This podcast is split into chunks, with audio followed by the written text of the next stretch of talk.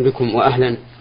فضيلة الشيخ هذا السائل يقول آه البعض من المرضى يتذمر ويكثر من الشكوى ويتسخط مما فيه من مرض فما نصيحتكم لأمثال هؤلاء وذلك بالاحتساب والصبر؟ جزاكم الله خيرا. الحمد لله رب العالمين وصلى الله وسلم على نبينا محمد وعلى آله وأصحابه ومن تبعهم بإحسان إلى يوم الدين. نصيحتي لإخواني هؤلاء المرضى ومن أصابهم مصائب في أموالهم أو أهليهم أن يصبروا ويحتسبوا ويعلموا أن هذه المصائب ابتلاء من الله سبحانه وتعالى واختبار كما قال الله تبارك وتعالى ونبلوكم بالشر والخير فتنة وإلينا ترجعون. وإذا كان الله تعالى يبتلي العبد بالنعم ليختبره أيشكر أم يكفر؟ فكذلك يبتلي عبده بما يضاد ذلك ليبلغه أيصبر أم يجزع ويتسخط؟ ويعين المرأة على الصبر على هذه الأمور. أمور. الأمر الأول الإيمان بأن الله سبحانه وتعالى رب كل شيء ومليكه وأن الخلق كلهم خلقه وعبيده يتصرف فيهم كيف يشاء. لحكمة قد نعلمها وقد لا نعلمها فلا اعتراض عليه سبحانه وتعالى فيما فعل في ملكه لا يسأل عما يفعل وهم يسألون. الثاني أن يؤمن بأن هذه المصائب التي تصيبه تكفير لسيئاته تحط عنه الخطايا ويغفر له بها الذنوب. كما جاء ذلك عن رسول الله صلى الله عليه وعلى آله وسلم. ولقد أصيبت امرأة من العابدات في أصبعها ولكنها لم تتسخط ولم يظهر عليها أثر التشكي فقيل لها في ذلك فقالت إن حلاوة أجرها أنستني مرارة صبرها. ومن المعلوم أن الصبر درجة عالية لا تنال إلا بوجود شيء يصبر الإنسان عليه حتى يكون من الصابرين وإنما يوفى الصابرون أجرهم بغير حساب. ثالثا أن يتسلى بما يصيب الناس سواه. فإنه ليس وحده الذي يصاب بهذه المصائب. بل في الناس من يصاب بأكثر من مصيبته. ولقد كان رسول الله صلى الله عليه وعلى آله وسلم وهو أشرف الخلق عند الله يصاب بالمصائب العظيمة حتى إنه يوعك كما يوعك الرجلان منا. ومع ذلك يصبر ويحتسب. وفي التسلي بالغير تهوين على المصائب. رابعا أن يحتسب الأجر. على الله عز وجل بالصبر على هذه المصيبة. فإنه إذا احتسب الأجر على الله عز وجل بالصبر على هذه المصيبة فإنه مع تكفير السيئات والخطيئات بها يرفع الله له بذلك الدرجات بناء على احتسابه الأجر على الله سبحانه وتعالى. ومن المعلوم أن كثيرا من الناس منغمر في سيئاته فإذا جاءت مثل هذه المصائب المرض أو فقدان الأهل أو المال أو أو الأصدقاء أو ما أشبه ذلك هان عليه الشيء بالنظر إلى ما له من الأجر والثواب على الصبر عليه واحتساب الأجر من الله. وكلما عظم المصاب كثر الثواب. خامسا أن يعلم أن هذه المصائب من الأمراض وغيرها لن تدوم فإن دوام الحال من المحال. بل ستزول إن عاجلا وإن آجلا. لكن كلما امتدت ازداد الأجر والثواب. وينبغي في هذه الحال أن يتذكر قول الله تبارك وتعالى فإن مع العسر يسرا إن مع العسر يسرا. وأن يتذكر قول النبي صلى الله عليه وعلى آله وسلم واعلم أن النصر مع الصبر وأن الفرج مع الكرب وأن مع العسر يسرا. سادسا أن يكون لديه أمل قوي في زوال هذا هذه المصيبة. فإن فتح الآمال يوجب نشاط النفس وانشراح الصدر وطمأنينة القلب وأن الإنسان كلما مضى عليه ساعة رأى أنه أقرب إلى الفرج وزوال هذه المصائب. فيكون في ذلك منشطا نفسه حتى ينسى ما حل به. ولا شك أن الإنسان الذي ينسى ما حل به أو يتناساه لا يحس به فإن هذا أمر مشاهد. إذا غفل الإنسان عن ما في نفسه من مرض أو جرح أو غيره يجد نفسه نشيطا وينسى ولا يحس بالألم. بخلاف ما إذا ركز شعوره على هذا المرض أو على هذا الألم فإنه سوف يزداد. وأضرب لذلك مثلا بالعمال مثلا بالعمال. تجد العامل في حال عمله ربما يسقط عليه حجر يجرح قدمه أو تصيبه زجاجة تجرح يده أو ما أشبه ذلك وهو مستمر في عمله ولا يحس بما أصابه. لكن إذا فرغ من عمله ثم توجهت نفسه إلى هذا هذا الذي أصابه حينئذ يحس به. ولهذا لما شكى إلى الرسول صلى الله عليه وسلم الوساوس التي يجدها الإنسان في نفسه. قال عليه الصلاة والسلام إذا إذا أحس بذلك فليستعذ بالله أو إذا وجدتم أو إذا وجد ذلك فليستعذ بالله ثم لينتهي. يعني يعرض عن هذا ويتغافل عنه فإنه يزول. وهذا شيء مشاهد ومجرب. ففي هذه الأمور الستة يحصل للمريض الطمأنينة والخير الكثير. الأمر السابع أن يؤمن بأن الجزع والتسخط لا يزيل الشيء بل يزيده شدة وحسرة في القلب كما هو ألم في الجسد.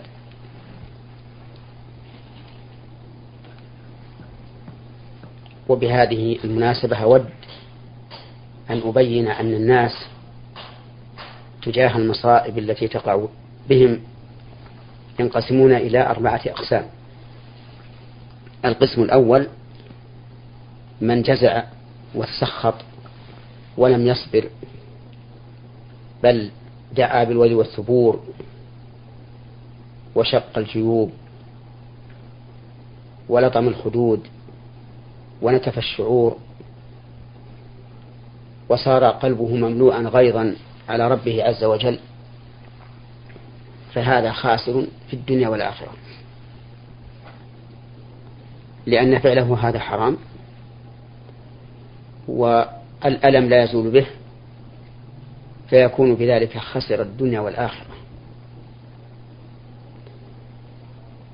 وربما يؤدي ذلك إلى الكفر بالله عز وجل. كما قال الله تبارك وتعالى ومن الناس من يعبد الله على حرف فإن أصابه خير اطمأن به وإن أصابته فتنة انقلب على وجهه خسر الدنيا والآخرة. ذلك هو الخسران المبين. الحالة الثانية الصبر. بمعنى أن أن هذا المصاب لا يحب أن تقع المصيبة بل يكرهها ويحزن لها لكنه يصبر ويحتسب لكنه يصبر فيمنع قلبه عن التسخط ولسانه عن الكلام وجوارحه عن الفعال. ولكنه يتجرع مرارة الصبر. ولا يحب أن ذلك وقع. فهذا أتى بالواجب وسلم ونجا. الحالة الثالثة أن يقابل هذه المصيبة بالرضا وانشراح الصدر وطمأنينة القلب حتى كأنه لم يصب بها لقوة رضاه بالله. عز وجل. والفرق بينه وبين الأول الذي قبله أن الأول عنده كراهة لما وقع ويتجرع مرارة الصبر عليه. أما هذا فلا. ليس عنده كراهة ولا في نفسه مرارة. يقول أنا عبد والرب رب ولم يقدر لي هذا إلا لحكمة. فيرضى تماما. وقد اختلف العلماء رحمهم الله في هذا الرضا هل هو واجب أو مستحب؟ والصحيح أنه مستحب. لكنه صبر وزيادة. والصبر سبق أنه واجب وأما ما زاد على الصبر فإنه مستحب. فالراضي أكمل من الصابر. الحال الرابعة الشكر لله عز وجل على ما حصل. فيشكر الله سبحانه وتعالى على هذه المصيبة. ولكن قد يقول قائل إن هذا أمر لا يمكن بحسب الفطرة والطبيعة أن يشكر الإنسان ربه على مصيبة تقع عليه. فيقال نعم لو نظرنا إلى مطلق المصيبة لكانت الفطرة تأبى أن يشكر الله على ذلك. لكن إذا نظر الإنسان إلى ما يترتب على هذه المصيبة من مغفرة الذنوب وتكفير السيئات ورفعة الدرجات شكر الله سبحانه وتعالى أن ادخر له من الأجر والثواب خيرا مما جرى عليه من هذه المصيبة فيكون بذلك شاكرا لله سبحانه وتعالى. وقد كان من هدي النبي صلى الله عليه وسلم أنه إذا أصابه ما يسره قال الحمد لله الذي بنعمته تتم الصالحات. وإذا أصابه خلاف, خلاف, خلاف ذلك قال الحمد لله على كل حال.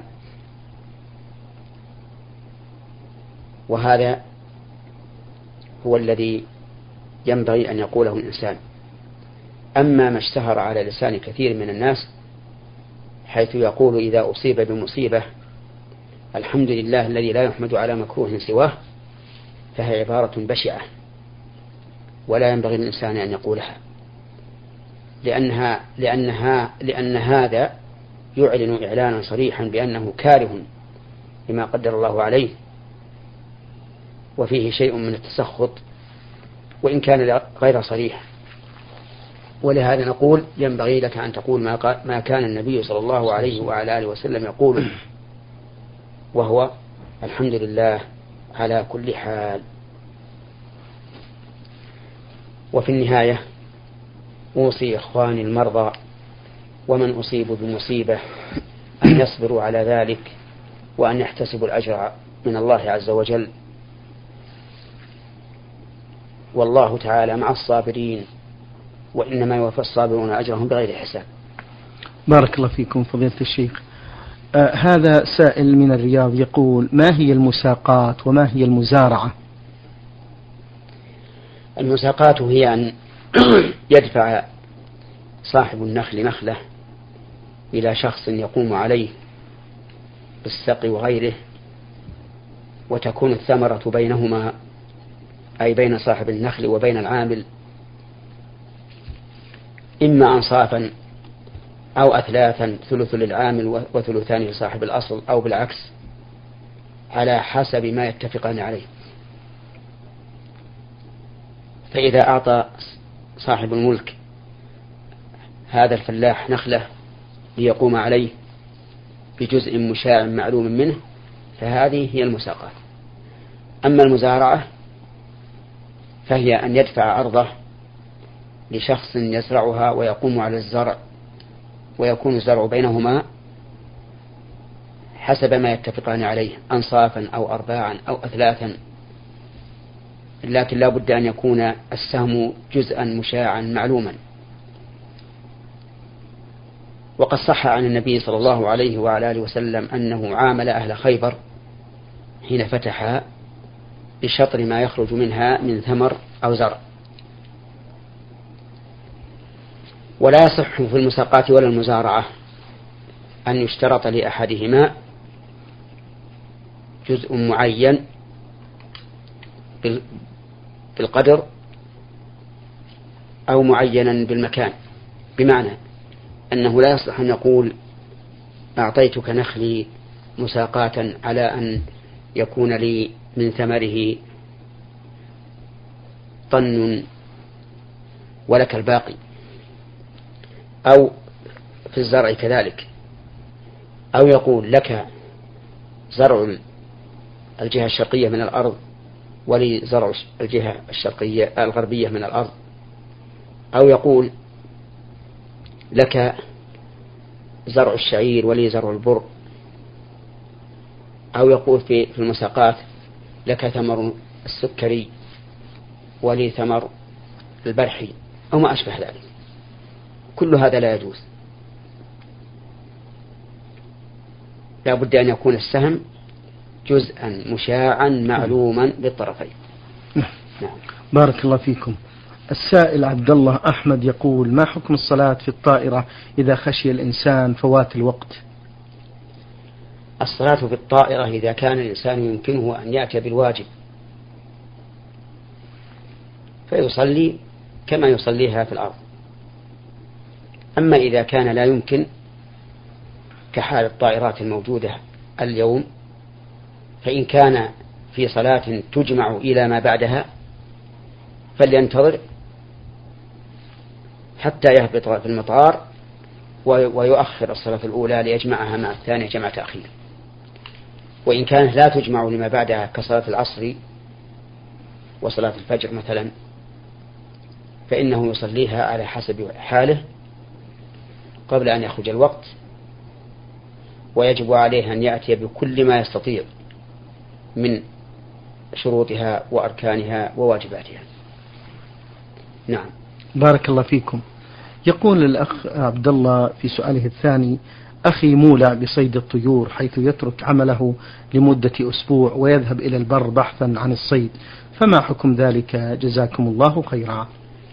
لا يحل للإنسان أن يدع عمله الواجب الوظيفي ليتمتع باللهو والصيد أو غير ذلك مما يصده عن القيام بالواجب. لقول الله تبارك وتعالى يا أيها الذين آمنوا أوفوا بالعقود. والوظيفة تعتبر عقدا بين الإنسان وبين الجهة المسؤولة. ولقوله تعالى وأوفوا بالعهد. إن العهد كان مسؤولا. فالواجب على الإنسان أن يقوم بوظيفته حسب ما يقتضيه النظام كما أنه يطالب بالراتب الذي له على وجه الكمال. وكثير من الناس يفرط فيما يجب عليه من عمل الوظيفة ويطالب بكل حقه من الراتب وهذا داخل في قوله تعالى ويل للمطففين الذين إذا اكتالوا على الناس يستوفون وإذا كالوهم أو وزنوهم يخسرون. ألا يظن أولئك أنهم مبعوثون ليوم عظيم يوم يقوم الناس لرب العالمين. نسأل الله لنا ولإخواننا الهداية اللهم وأن يعيننا جميعا على أداء ما أوجب علينا. إنه على كل شيء قدير. اللهم أمين. بارك الله فيكم فضيلة الشيخ. هذه السائلة آه، من الدمام تقول بالنسبة فضيلة الشيخ إلى سفر المرأة مع الطفل عمره في السابعة أو الثامنة في الطائرة هل يعتبر هذا الطفل محرم؟ يقول العلماء رحمهم الله إنه يشترط في المحرم أن يكون بالغا عاقلا لأن هذا هو الذي يمكنه صيانة المرأة وحمايتها والمدافعة عنها وهو الذي يوجب هيبتها عند الناس. أما الطفل الصغير فإنه لا يغني شيئا ولهذا لا يجوز للمرأة أن تسافر مع محرم صغير بل عليها أن تختار بل عليها أن تختار محرما بالغا عاقلا كما قال ذلك أهل العلم رحمهم الله. والعجب أن بعض النساء اليوم يتهاون بالسفر في الطائرة. بحجة أن الطائرة مملوءة من الركاب وأن المسافة قريبة وأنها سوف تشيع من البلد الذي سافرت منه وتستقبل في البلد الذي توجهت إليه ولكن هذا تهاون وتساهل في حدود الله عز وجل. وذلك لأن هذه المرأة سوف يودعها من يشجعها من المطار إذا دخلت صالة الاجتماع. فإذا ركبت في الطائرة فإن نعم فإذا دخلت صالة الاجتماع فقد تتأخر الطائرة عن السفر نعم. في الموعد المحدد. وربما تلغى الرحلة نعم. للأحوال الجوية أو ل... أو ل... لعطل فني أو ما أشبه ذلك. فمن الذي يردها إلى ما... إلى أهلها؟ ثم إذا قدرنا أن الطائرة أقلعت فهل نضمن مئة بالمئة أن تهبط في المطار الذي قصدته ربما لا تهبط. ربما يعتريها خلل فني ترجع الطائرة من أثناء الطريق أو تذهب إلى مطار أقرب من المطار الذي قصدته. وربما تحدث أحوال جوية تمنع الطائرة من الهبوط في المطار المقصود. وإذا قدرنا أن هذا قد انتفى وأنها هبطت الطائرة في المطار المعين المقصود فهذا المحرم الذي كان بصدد أن يقابلها هل نحن نضمن أن تتم المقابلة مئة بالمئة ربما يصيب هذا المحرم مرض لا يستطيع معه الحضور إلى المطار ربما ينام ربما تتعطل السيارة في أثناء الطريق ربما يحصل زحام في الطريق وأشياء كثيرة تمنع يعني يحتمل أن تقع فتمنع وصوله إلى المطار. ثم إذا قدرنا أن كل هذا انتفى فمن, فمن الذي يكون إلى جانبها في الطائرة؟ قد يكون إلى جانبها رجل غير مأمون فالمسألة خطيرة. وإذا قدرنا أن مثل هذا لا يقع إلا واحد في العشرة يعني عشرة في المئة فإن الشرع له نظر بعيد في حماية الأعراض. واجتناب الأخطار. لا سيما في مثل هذه الأمور التي تعتبر فتنة. فإن النبي صلى الله عليه وسلم يقول ما تركت بعدي فتنة أضر على الرجال من النساء. وأخبر أن فتنة بني إسرائيل كانت في النساء. وصدق رسول الله صلى الله عليه وسلم. وإلى يومنا هذا وفتنة الكفار في النساء. وفتنة بعض المسلمين كذلك في النساء. فالمسألة خطيرة. وإنني أحذر أخواتي وأولياء أمورهن من التهاون بهذا الأمر العظيم. وأقول وإن رخص بعض العلماء في مثل ذلك فالمرجع إلى كتاب الله وسنة رسوله صلى الله عليه وآله وسلم. وقد خطب النبي صلى الله عليه وسلم خطبة قال فيها لا تسافر امرأة إلا مع ذي محرم. فقام رجل فقال يا رسول الله إن امرأتي كتبت إن فقال يا رسول الله إني اكتتبت في غزوة كذا وكذا وإن امرأتي خرجت حاجة. قال انطلق فحج مع امرأتك. هكذا أعلم. ولم يستثن شيئا. فإن قال قائل إن النبي صلى الله عليه وعلى آله وسلم لا يعلم أن تحدث مثل هذه الوسائل في المواصلات السريعة, السريعة التي أمنها كثير. قلنا إن قدرنا أنه لم يعلم بذلك فإن الله تعالى قد علم به. ولم ينزل على رسوله صلى الله عليه وسلم وحيا يستثني مثل هذه الحالات. على أن قول الله تعالى والخيل والبغال والحمير لتركبوها وزينة ويخلق ما لا تعلمون توحي بأن هناك أشياء ستحدث لا نعلمها تركب وهذا هو الواقع. فإذا كنا نحن نفهم هذا الفهم من كلام الله فرسول الله صلى الله عليه وسلم أقوى منا فهما وأسد. نعم. بارك الله فيكم على هذا التوجيه المبارك فضيلة الشيخ. هذا السائل عبد الله ألف ألف من الرياض يقول ما حكم شراء الأثاث والسيارات بالتقسيط؟ شراء السيارات والأثاثات بالتقسيط إذا كانت عند البائع وكان المشتري يقصدها بعينها. لا بأس به. لعموم دخوله في قوله تعالى وأحل الله. نعم. لا بأس بها لدخوله في عموم في عموم قوله تعالى وأحل الله البيع. وقوله يا أيها الذين آمنوا إذا تداينتم بدين إلى أجل مسمى فاكتبوه. وأما إذا كانت وأما إذا لم تكن عند البائع ولكنه يعينها المشتري أي الطالب ثم يذهب البائع ويشتريها ثم يبيع عليه فهذا لا يجوز. لأن هذا حيلة على الربا. إذ أن هذه المعاملة تعني أنه أقرضه الثمن بربا بزيادة الربوية لأن التاجر اشتراها مثلا بمئة وباع على هذا بمئة وعشرين. وإن كانت عند البائع وفي ملكه واشتراها المشتري لا يريدها بعينها وإنما يريد أن يبيعها وينتفع بثمنها. فهذه مسألة التورق وفيها خلاف بين العلماء فمنهم من أجازها ومنهم من منعها وممن منعها شيخ الإسلام ابن تيمية رحمه الله. والاحتياط أن لا يتعامل الإنسان بها لا سيما إذا كان إذا كان تعامله من أجل التجارة لأن الإنسان قد يربح وقد لا يربح مع أنه قد خسر بزيادة الثمن عليه من أجل التأجيل. نعم.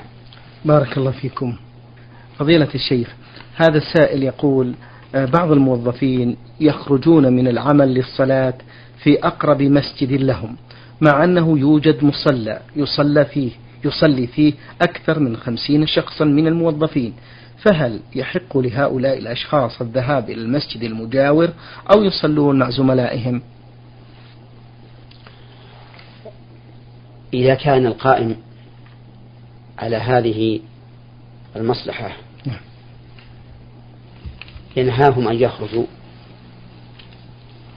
ويقول صلوا معنا فإنهم فإنه فإنهم يصلون معه نعم. مع الجماعة. ولا يخرجون إلى المسجد. وذلك لأن الصلاة في المسجد إذا كان يترتب عليها فوات مصلحة أو حصول مضرة مع وجود جماعة أخرى في مكان العمل.